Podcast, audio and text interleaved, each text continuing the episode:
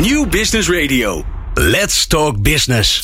Met nu People Power met Glen van der Burg. People Power is een programma over de kracht van mensen in organisaties. Met interviews en laatste inzichten voor betere prestaties en gelukkige mensen. Deze week gaat Glen van der Burg in gesprek met. Ben Kuiken is de gast. Ja, of je even wat aan de werkdruk wil doen en of je meteen ook de bureaucratie wil aanpakken. Als bestuurder, manager, adviseur en professional krijg je heel wat problemen op je bord geschoven taaie vraagstukken vaak, die onmogelijk lijken op te lossen. Maar zou je er misschien, uh, misschien de manier waarop je deze, naar, deze problemen kijkt, uh, zou die kunnen veranderen? En is dat misschien juist het probleem, dat je er gewoon op de verkeerde manier naar kijkt?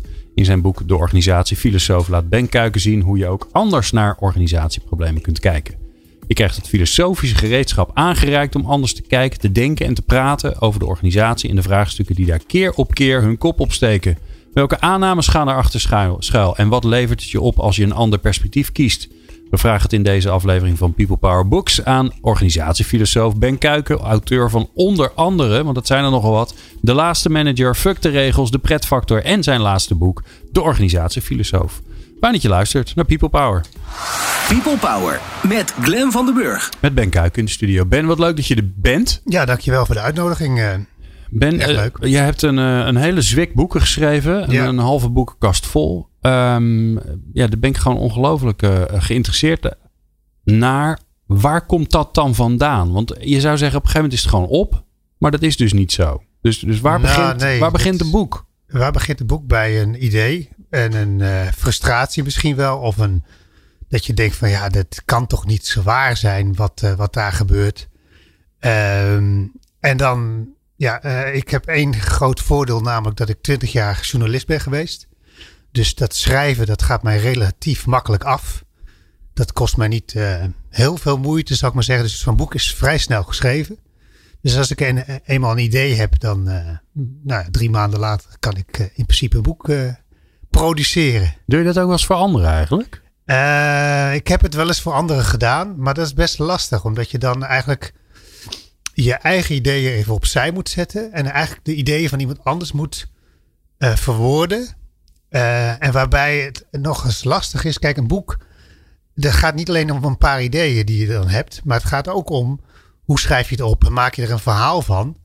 En dan, ja, dan moet ik er toch een heel stuk van mezelf ook in stoppen. Om het een beetje een, tot, een, tot een fatsoenlijk boek te maken. Dus dat is eigenlijk ik vind het lastiger dan, dan mijn eigen boeken schrijven, zeg maar. Maar ja, en je, hebt, je, en je hebt eh, volgens mij ook wel een missie. Het is niet, bedoel, je schrijft geen uh, boeken om uh, die zeggen, joh, uh, je zou op het gebied van, um, nou, laten we zeggen, motivatie, zou je het misschien een klein beetje anders kunnen doen.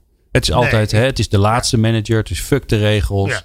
Ja. de pretfactor, daar zit het misschien niet zozeer heel erg in de titel. Maar als je dan leest wat het is, dan zegt het eigenlijk wel dat het allemaal heel anders moet. Ja. Ja, ik kom daar wel steeds meer van terug. Hè. De, organisatiefilosoof is misschien wel mijn minst uh, uh, activistische boek tot nu toe. Uh, want ik denk dat een van de problemen in organisaties is dat we denken dat het altijd maar beter moet en anders moet. daar heb ik mezelf ook schuldig aan gemaakt. Ehm, maar ik geloof wel, als ik zo om me heen kijk en ik zie wat mensen met, in organisaties allemaal met elkaar doen. En wat voor ellende daar soms uit voortkomt. dan maak ik me regelmatig ja, toch wel boos. En denk ik van, nou, dat, dat kan echt, echt anders. Ehm, dus daar heb ik nog wel steeds een soort betrokkenheid om daar iets, iets over te schrijven of over te, over te zeggen. En, uh, en waar komt die fascinatie dan vandaan? Want je kan het over honderdduizend andere onderwerpen, zou je het kunnen hebben. Ja, nou ja, het is een beetje uh, zoals de filosoof uh, Kierkegaard wel zegt het leven uh, overkomt je, zou ik maar zeggen. Hè? Het wordt begrepen in de achteruitkijkspiegel, uh, zeg maar. Uh, dus ik ben er ook een beetje ingerold, zeg maar. En ehm, ik ben ooit uh, journalist geweest bij het tijdschrift Management Team. En daar komt ja, mijn interesse voor management en organisaties vandaan. En ik heb filosofie gestudeerd. En dat komt dan opeens allemaal samen. En dan, nou, ga maar dan komt het nu samen. Ja, komt het nu samen. Je, je bent geen 25 meer. Nee. Ook geen 35, denk ik. Zo, zo, als ik je zo'n beetje inschat. Daar houden we op overigens. Maar, maar waarom dan nu?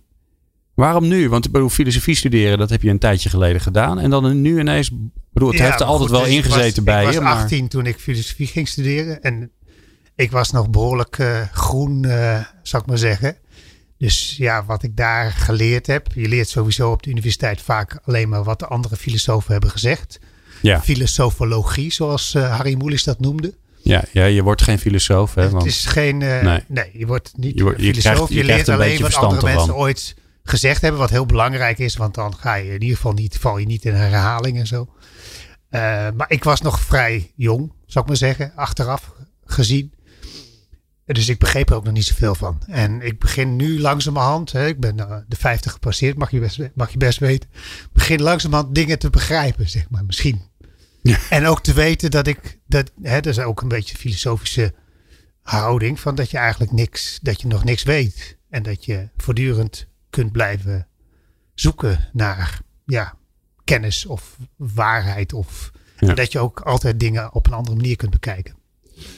Nou, eh, de, de, de, de, luisteraars die vaak naar People Power luisteren, en zeker die de afleveringen luisteren met Jeroen Buesje erin of met Harry Starre erin, die weten dat er een, ehm, dat er een speciale jingle uh, heb ik voor ze gemaakt. Want die hebben ook nog wel eens de neiging om ergens een filosoof te quoten. Ik, ik ja, ik garandeer jullie dat ik, uh, dat ik deze uitzendingen maar één keer zal gebruiken. Want anders kan, kan ik de hele uitzending wel mee vullen. Aangezien het over, organisatie, uh, over de organisatiefilosoof gaat. Maar ja, ik moet hem toch één keer doen. Pas op. Kijk uit. Hier is het filosofie alarm. Diepgang nabij. Ja, die geldt dus voor het hele uur. Hè? Ja. ja, eenmaal. Ja. hij moet toch even, even uit de. Ja, we kunnen ook heel uh, oppervlakkig blijven. De nee, nee, nee, nee, gaan we zeker niet doen. Alright, uh, filosofie. En uh, laten we even beginnen bij het begin. Wat zie jij gebeuren binnen organisaties waardoor je denkt: oh mijn god, wat zijn we aan het doen? Dat moet anders. Nou, wat ik zie is dat mensen heel druk zijn. En druk zijn met dingen zoals met de organisatie. En dan zeggen ze: de wereld verandert, dus de organisatie moet mee veranderen. Ja. Dus wat we gaan, gaan we doen? We gaan een reorganisatie aankondigen. We gaan een verandering, kanteling. We, hè, er zijn allerlei mooie woorden voor. Ja, wendbaar. We moeten wendbaar worden. We moeten flexibel worden. Uh, en daarbij, daar zijn heel veel mensen heel druk mee. Uh, dus eigenlijk in de kern zit daar het probleem. Dus dat we heel druk zijn met het organiseren van werk. En en met de organisatie, met elkaar, zeg maar. En dat gaat ten koste van tijd die je bijvoorbeeld kunt steken in uh, het zorgen voor mensen of het goed onderwijs geven of allemaal van die, van die uh, uh, core business, zou ik maar zeggen, of in ieder geval wat, wat mensen eigenlijk zouden, zouden, zouden willen doen. Het echte werk. Het echte werk. Ja. Um, en het geeft heel veel frustratie en heel veel um, heel veel gedoe in organisaties. Omdat je bijvoorbeeld zegt van nou, we, gaan, we zijn niet wendbaar genoeg. Dus we gaan een programma opzetten voor uh, het wendbaar maken van de organisatie. Waarmee je een signaal afgeeft naar die mensen die allemaal heel hard al werken. Zo van nou ja, tot nu toe doe je het niet goed. Dus het moet altijd, het moet beter. Uh, dus die mensen raken gefrustreerd. Bovendien zijn ze heel veel tijd kwijt met het verbeteren van wat ze al aan het doen zijn. ja, want ze moeten weer vergaderen en ze, moeten weer in zaaltjes. Vergaderen. En, en, uh, dus er gaat heel veel energie verloren met, met de organisatie, zou ik maar even zeggen. En ja, dat is eigenlijk jammer. En dat geeft ook nou ja, mij als, als klant, zou ik maar zeggen, bijvoorbeeld. Waardoor ze geen aandacht voor mij hebben als, als klant. Of, of waar ze, waardoor ze geen aandacht hebben voor de patiënt. Uh, want er gaat heel veel energie in die, in die systemen zitten en in die, in die verbeterprogramma's. Is het, eh, zeg je daarmee eigenlijk, het is, um, hè, want de, de bureaucratisering wordt vaak, uh, zeker in de zorg of in het onderwijs, wordt er gezegd, ja. ja. we moeten zoveel dingen bijhouden, we komen niet meer aan ons werk toe. Is dit de volgende golf waarvan we over een tijd gaan zeggen, en jij voorspelt hem eigenlijk, we zijn weer met de zoveelste verandering, weer met de zoveelste management hype of de zoveelste organisatie, structuur, filosofie bezig. Kost allemaal tijd. Ja. En niemand vraagt zich af, wat hebben we er eigenlijk aan? Nou, mensen vragen zich dat misschien nog wel af, maar het is heel moeilijk om daar weerstand aan te bieden. Want er worden allemaal mooie boekjes geschreven. En uh, wat ik net zei, ik, doe daar, ik heb daar ook aan meegedaan en ik doe daar ook nog steeds aan mee. Waarin een soort belofte wordt gemaakt van als je dit toepast, dan Komt ben je succesvol. Ja. En datzelfde geldt eigenlijk voor, ook voor uh, het leven van mensen. He, dus als je een boekje leest, die kunnen tien stappen kun je beroemd worden. De zelfhulpboek. Succesvol. Ja. Er zit een belofte in dat het leven of de organisatie maakbaar is. Ehm, en het is heel verleidelijk om dat te denken. En ook met elkaar te, daarin te geloven. Maar is dat dus niet zo? Het leven is maar in beperkte mate uh, maakbaar. Want er kan altijd iets gebeuren waardoor het niet lukt. Of waardoor. Um, maar dan is het jouw schuld. Dan is toch? Het, ja, dat in is deze, de in deze filosofie wel. Ja, als je, ja, toch? Als, als, je niet maar dat succesvol is toch de, bent, dan is de, het je eigen schuld. Ja, maar dat is een beetje de. En dat geeft heel veel frustratie. Dat geeft heel veel. Uh, uh, nou, jonge mensen die gewoon burn-out zijn op hun 25ste al ongeveer. Uh, en die hebben het gevoel dat ze nooit goed genoeg zijn. En ik denk dat een van de boodschappen van mijn boek is: soms is goed ook gewoon goed genoeg. Ja. En hoef je niet altijd maar steeds maar beter en, en, en efficiënter en meer geld te verdienen. En er zijn ook andere dingen in het leven die ook waardevol zijn. En hetzelfde geldt voor organisaties. Gewoon je werk goed doen.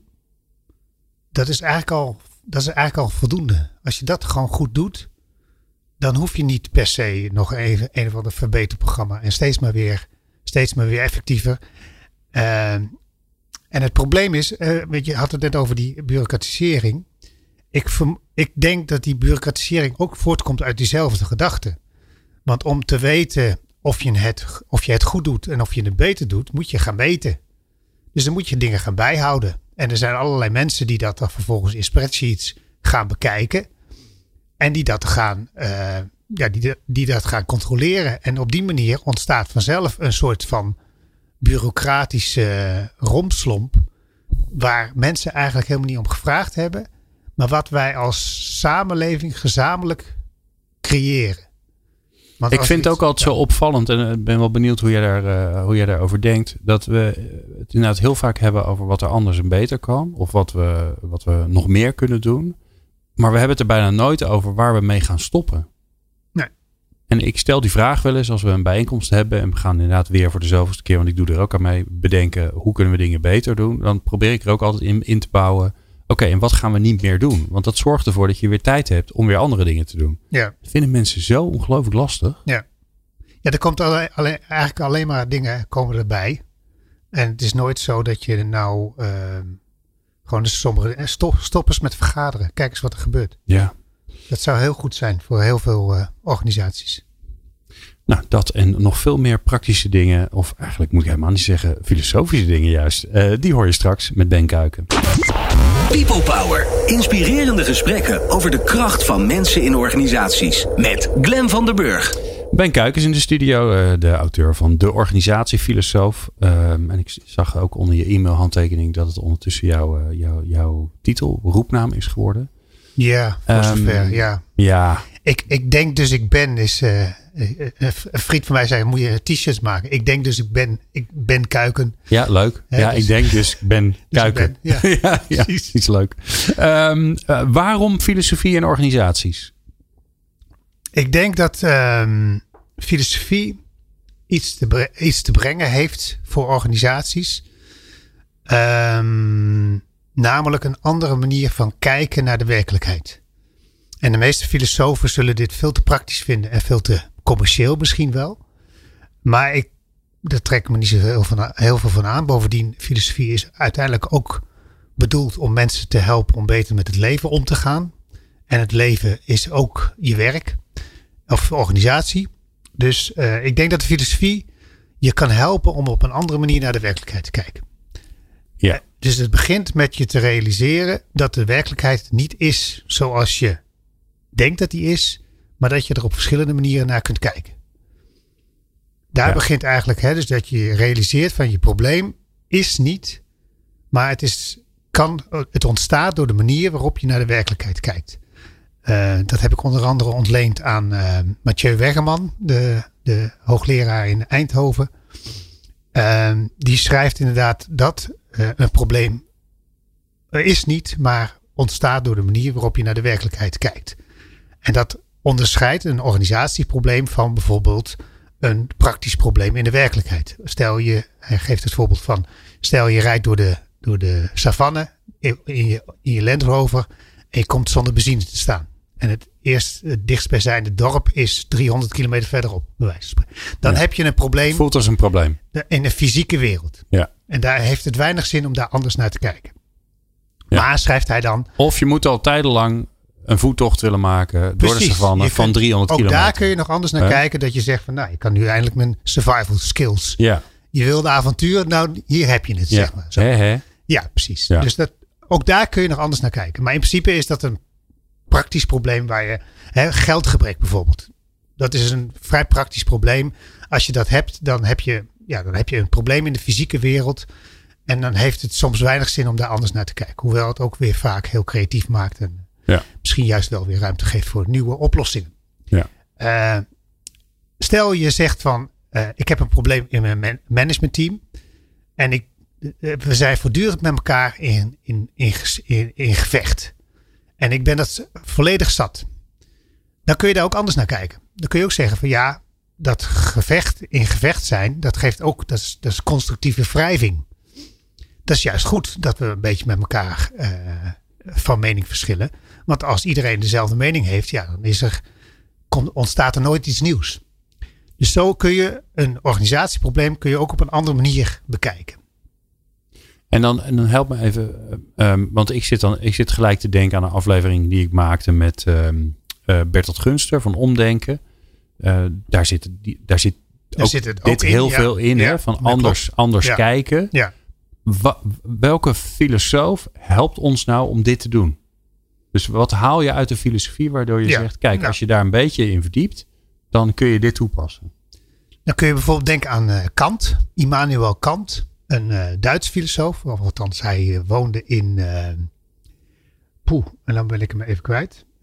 Tegenwoordig heet dat Rusland. Ja. Eh, Kaliningrad. Zo. Vroeger was dat. nou, ben ik, even, ben ik even kwijt. Maar misschien dat een, een oplettende luisteraar. Ja, die weet het gelijk. kan, ja. Precies. Ja.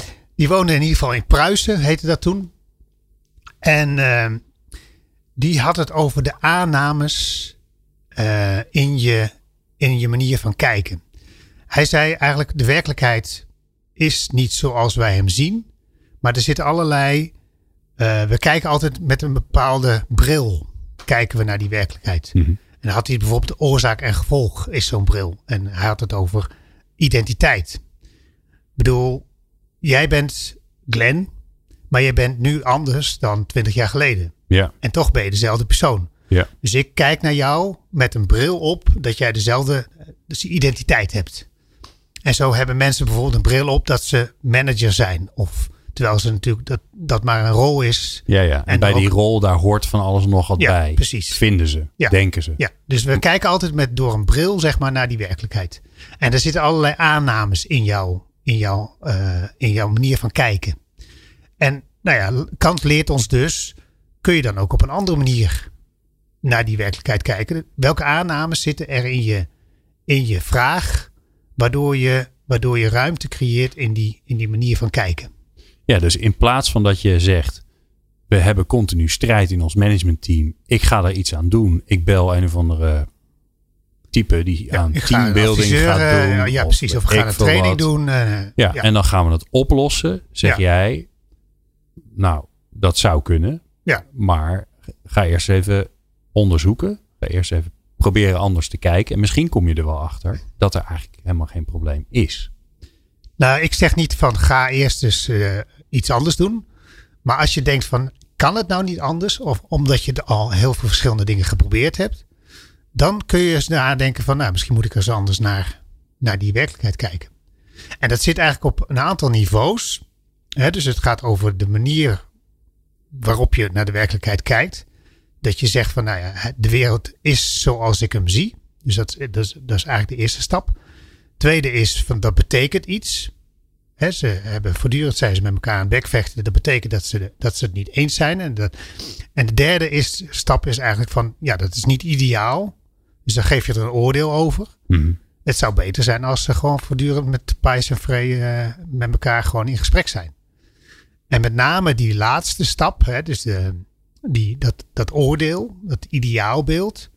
Dat zou wel eens kunnen zijn dat dat precies jouw probleem veroorzaakt. Oké. Want je kunt ook zeggen van ja, waarom is het een probleem dat, dat, dat ze me- af en toe met elkaar in, in, in de clinch liggen? Dat is alleen maar goed. Snap je? Dus op die manier kun je, Ja. kun je er anders naar kijken. Ja. Nou nou zeg jij in je boek, hè, eh, het gaat om anders denken, anders kijken, anders praten. Ja. Neem ons daar eens in mee. Ehm, ja, dat is natuurlijk een beetje een eh, kunstmatige indeling. Omdat denken en praten en kijken, dat hoort eigenlijk als het ware een beetje bij elkaar. Je ziet, je ziet wat je, waar je het over hebt, bijvoorbeeld. Hè? Dus als je bepaalde wo- woorden gebruikt, je hebt het bijvoorbeeld over human resource management. Dus dan zie je geen mensen, maar dan zie je dus Poppetjes. human resources. Ja. eh, Bronnen van, van iets, van energie, zoiets. Ja. Dat is een andere manier van kijken dan als je, als je gewoon mensen ziet. Snap je? Dus, Ja. dus die taal bepaalt al hoe je naar de werkelijkheid kijkt. En we hebben het over de werkvloer. Nou, dat is iets wat daar beneden zit. En de top van de organisatie. Dus dat is iets daarboven. Dus Ja. kijk je naar boven. We hadden het in de aflevering hiervoor over de onderkant van de arbeidsmarkt. Ja.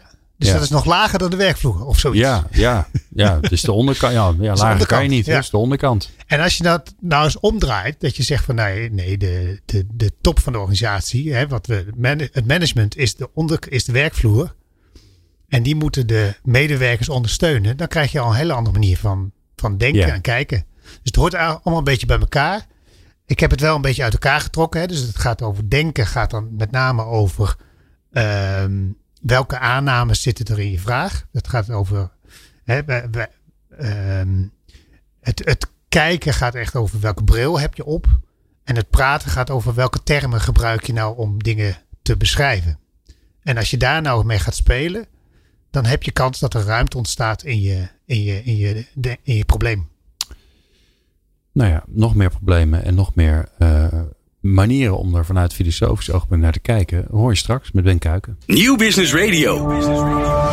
Non-stop lekkere muziek voor op het werk en inspirerende gesprekken.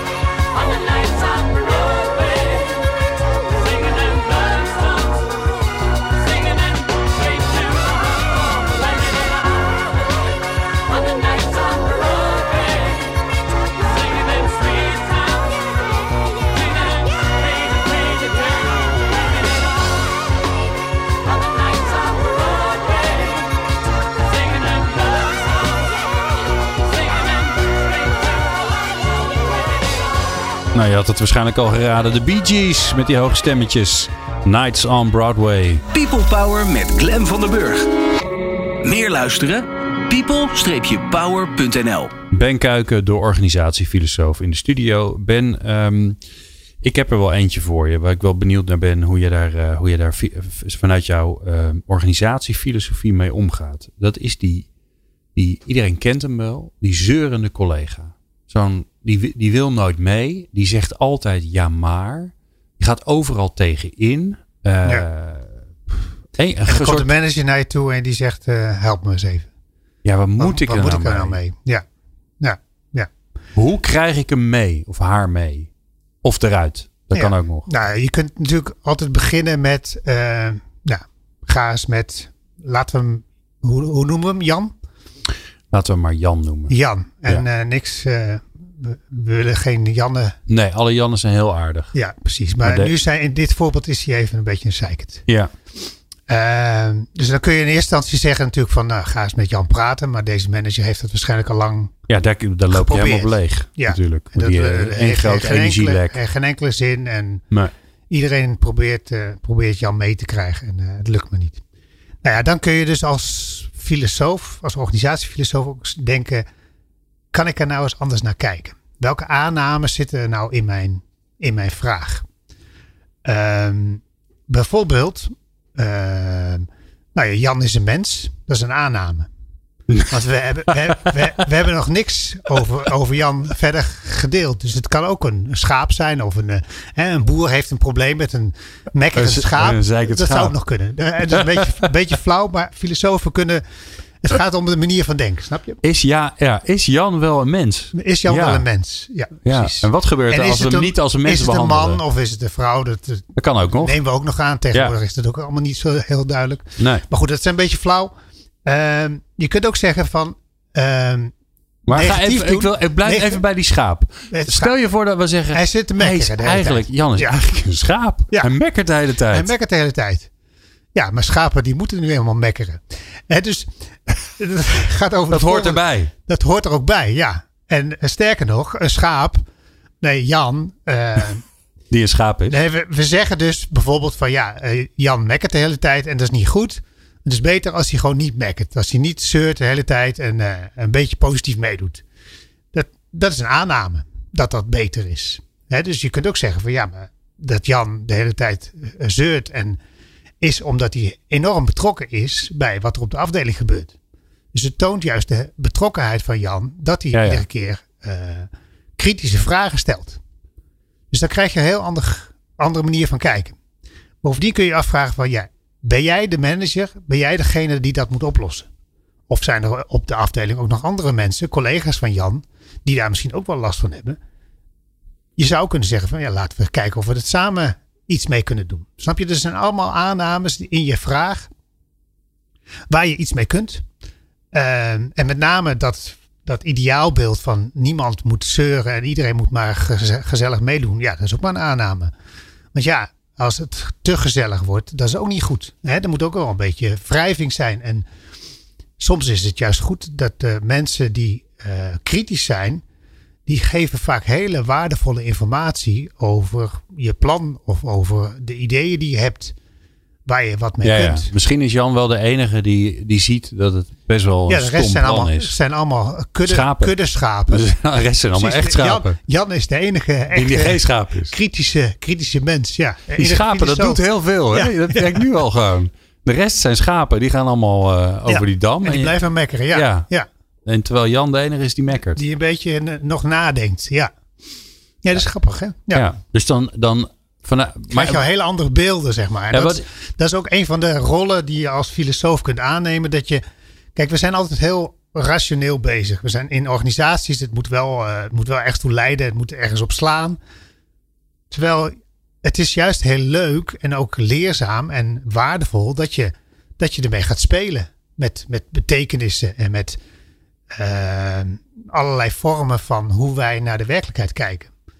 En ja, werk, ja, het is misschien belangrijk, maar hoe belangrijk is het in je totale leven? Ik bedoel, als je werk, als er iets met je gezin gebeurt, dan heb je, dan weet je wel waar, waar je prioriteiten liggen, lijkt mij. Ja. Dus het is ook maar, het is ook maar werk. Ja, dat is ook een mooie filosofische vraag. Ehm, maar dat geheel voor een andere keer. Ja. Ah, Oké, oké. dus eh, Jan, hebben, we- wat ik merk, wat er gebeurd is, wat, voor mijn gevoel, is dat ehm, eh, het is, ehm, er is meer ruimte gekomen. In, Dus, dus, ja. ja. dus je, Ja. je, hebt meerdere, je hebt meerdere invalshoeken. Jan is een schaap. Jan heeft eigenlijk best wel goede ideeën. Jan is de enige die dapper is. Dus je krijgt hè, dus, dus van een, een zeurende zwartgallig type waar je denkt, pff, jeetje, ik heb er geen zin in. Denk je ineens, hmm, nou oké. En, da- en dat wil niet zeggen dat een van die dingen wel waar is. Maar dat is een, an, een mogelijk andere nee, het waarheid. begint dus met, met de- je te realiseren dat jouw beeld van Jan, als zijnde een zeurende eh, collega, met waar je iets mee moet, ehm, dat het ook maar een, een werkelijkheid, een werkelijkheid eh, Ja, is. Want het kan een zeurende collega is waar je niks mee hoeft. kan ook. Het, Ja. kan, een, ehm, het kan ook een, een, een hele waardevolle collega zijn die, Ja. die dapper is en durft te zeggen dat je eigenlijk iets met z'n allen aan het doen bent wat niet zo slim is. Ja. Oké. Ja. Oké. Nou, Jan, Jan gehad. Hoera. Jan gehad. Ehm, ik heb nog een andere. Ehm, ja, het gaat, ehm, eh, de communicatie loopt heel stroef. Wij, wij, eh, dat gaat niet goed bij ons op de afdeling. Communiceren is echt wel een dingetje. Ja. Ja. Dus ja, Nou ja, daar, dan kun je een communicatietraining. training, ja, effectief communiceren, Communiceren kun je leren. feedback geven.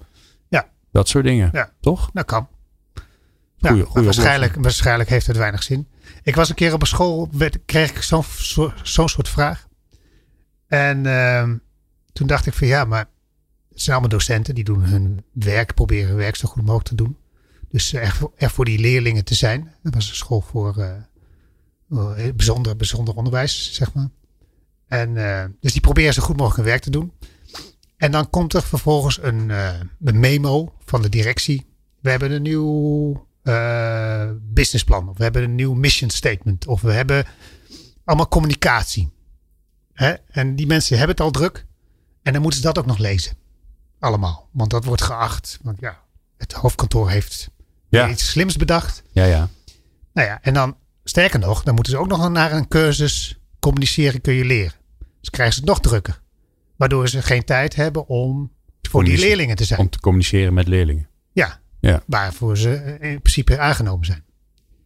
Dus toen zei ik van, ja, bij communiceren hoort ook luisteren. En zou dat misschien niet het probleem zijn? Dat jullie wel weliswaar heel erg hard roepen en heel hard eh, zenden, maar dat jullie nauwelijks luisteren naar wat er echt speelt op die scholen. Dus misschien is het een idee dat jullie gewoon eens wat scholen gaan bezoeken en daar eens je oor te luisteren leggen. En niet meteen allerlei grote, eh, dikke, vuistdikke beleidsstukken gaan schrijven. Die iedereen gelezen moet hebben. Want anders dan eh, hebben we een probleem, zeg maar. Ja. Nou, dat gingen ze doen. Wat gingen ze doen? Ja. Ja. Bedankt, bedankt voor de tip. U Ja. heeft geen opdracht. Nee, nee dat is dan... Ja, je maar hebt- jij helpt ze wel echt. Ja. Ja. ja, Wat moet je doen? Ja, als je er niet in gelooft, dan moet je, dat- moet je dat vooral niet doen natuurlijk. ja. En bovendien, ja, een training communiceren kun je leren. Dat, daar geloof ik niet eens in.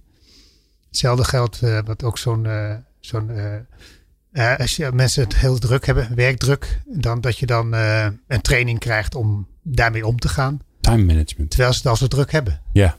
Dus dan moeten ze ook nog een, een training gaan doen. En dat kost ook zoveel uur. Om beter met hun tijd om te gaan. Of iets dergelijks. Beetje onzin. Ik wil eh, zo met je eh, naar ehm, eh, ja, misschien wel de hamvraag eh, van, eh, van dit uur. Dat is namelijk, ehm, ik word morgen wakker. Dan moet ik natuurlijk je boek kopen, dat snap ik. Maar ehm, ja, hoe, hoe kan ik dit nou eh, praktisch toepassen in mijn organisatie? Je straks. People Power met Glen van den Burg. Ik ben Malja Beks, commercieel manager bij Dreams. Ik ben Mark Jansen, senior medewerker Learning and Development bij Paresto. Ik ben Petra Lange, HR-manager bij Avanade. Ik ben Lars Blauw, adviseur duurzame inzetbaarheid bij Centraal Beheer Open. Ik ben Aniek van Elo en ik luister natuurlijk altijd naar People Power. Want People Power is er voor jou en niet andersom. People Power op Nieuw Business Radio. Ja, wil jij nou ook zo'n leuke jingle maken? Dan kan dat natuurlijk. Stond stuur een, eh, een WhatsApp audioberichtje naar onze WhatsApp service. En die kun je vinden op onze website peoplepower.radio. Ben Kuiken in de studio, eh, organisatiefilosoof Ben. Ehm, naast natuurlijk dat iedereen jouw boek moet kopen om uh, uh, meer filosofie toe te passen of een filosofische blik uh, toe te passen in de organisatie. Dat moeten mensen natuurlijk sowieso. Praktisch kunnen ze dat ongelooflijk makkelijk doen. Maar um, morgen worden mensen wakker. Die hebben dit geluisterd. Meestal onderweg zijn we ondertussen na een korte enquête achtergekomen dat er bijna iedereen luistert onderweg. Een paar, ja. me, paar mensen tijdens ja. het sporten, maar de meeste zijn onderweg. Dus of naar hun werk of naar huis. Maar wat, wat kan je doen? Misschien moet je um, even niks doen. He, dus uh, we zijn zo gewend om dingen te doen en om altijd maar actief te zijn. En, en, misschien is het juist wel goed om even pas op de plaats te maken. We hadden het in het begin ook over van ja, um, waar stop je mee? Nou, stop maar eens met vergaderen bijvoorbeeld. Of dingen waarvan je denkt van nou ja, ik krijg er geen energie van. Stop er maar eens gewoon mee en kijken wat er, uh, wat er dan gebeurt. Um, ik ben voor, voor mijn boek een soort promotietour aan het maken. En dan kom ik bij heel veel organisaties uh, lang, ga ik langs. En dan probeer ik eigenlijk um, ruimte te maken, te creëren voor het goede gesprek. Want daar nemen we vaak, merk ik, want mensen vinden het heel waardevol als ik uh, daar geweest ben. Daar nemen we vaak de tijd niet meer voor. Om gewoon met elkaar, been op tafel, niet een bepaald onderwerp te hebben, maar gewoon met elkaar eens even te praten over van ja, wat is nou eigenlijk, ja, wat, wat, wat drijft je of waar, waar, waar zit je mee? Of, um, en dan komen al die dingen waar mensen mee zitten, waar ze, waar ze, waar ze mee, die komen vanzelf wel boven water als je er een beetje ruimte voor maakt. Um, en ik merk gewoon dat mensen in organisaties zitten vaak in vaste patronen. En dat ze de, de verleiding om, om daarin mee te gaan is ook best wel groot. Hè? Ik word uitgenodigd om daar ook in mee te gaan. Zo zeggen ze bijvoorbeeld van, uh, van tevoren van, uh, vragen ze van wat kom je doen? En dan zeg ik van nou dat weet ik nog niet precies. Ik weet niet uh, wie jullie zijn, dus ik laat me verrassen.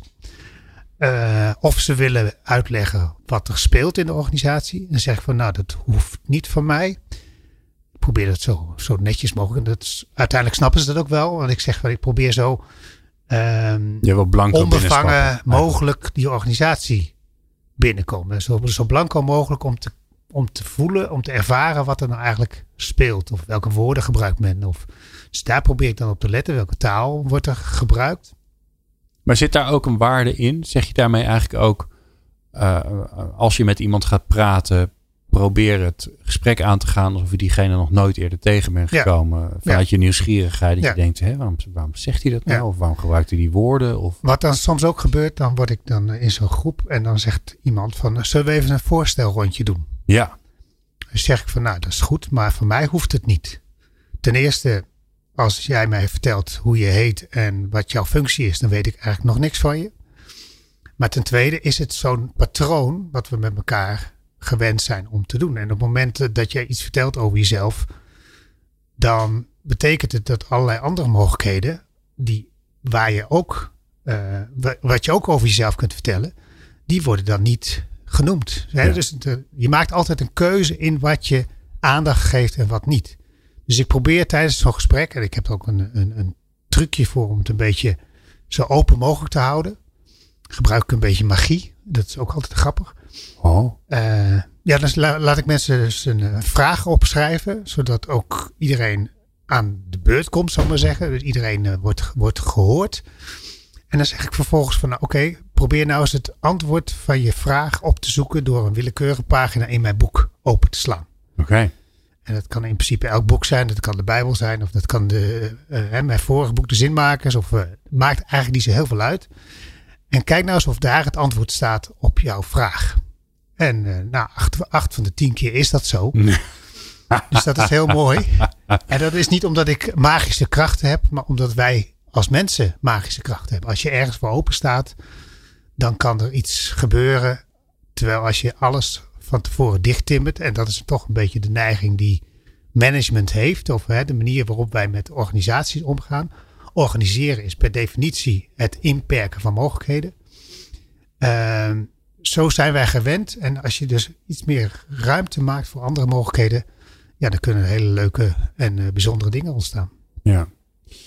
Nou, het grappige is dat, uh, maar dat, dat, daar leer ik ook wel weer van. Uh, toen ik aan dit gesprek met jou begon, ehm, had ik het beeld van, oh, organisatiefilosoof. Dan krijgen we een hele rits met allemaal uh, mooie namen. Inderdaad, uh, Kant ja. is voorbij gekomen. Maar ik denk, nou, dat is ook zoiets, hè? Dus wij, vullen, komt, wij vullen van tevoren. Ja, nee, nee, daarom. Ik, in, ik ja. had al een heel beeld. En we gaan het over Plato hebben en Socrates. En we gaan nou, het hebben over Nietzsche. Over Plato en weet ik veel je allemaal. Hè? Die, die, die gaan allemaal langskomen.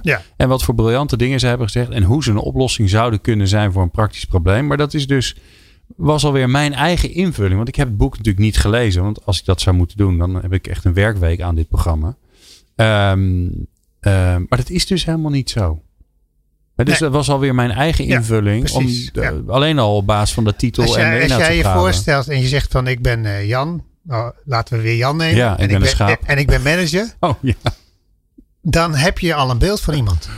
zeker ja. Ja dan denk je bij van, mij heeft hij oh, een is- pak oh, aan. En afhankelijk van, jou, van Ja. jouw beeld van een manager. Ja, Heb je dan ook allerlei, allerlei aannames die daar meteen in zitten. ja. Terwijl heeft iemand nog maar één ding gezegd. Ja. Alleen nog maar een functietitel genoemd.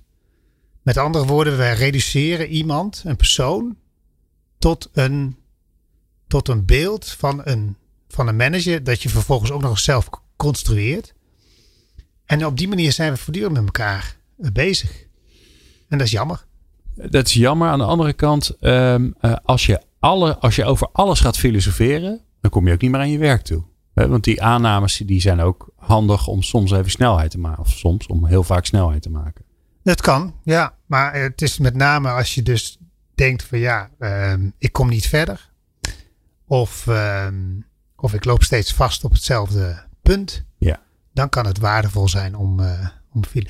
En nou ja, ik zou zelfs dat nog durven te betwijfelen. Of, of je dan niet meer aan je werk toe komt. Misschien werk je dan wel veel effectiever. Als je Ja. gewoon even van tevoren eerst even rustig tijd neemt om na te denken van ja, wat is nou eigenlijk precies wat ik wil bereiken? Of, eh, en wat is nou echt belangrijk bijvoorbeeld?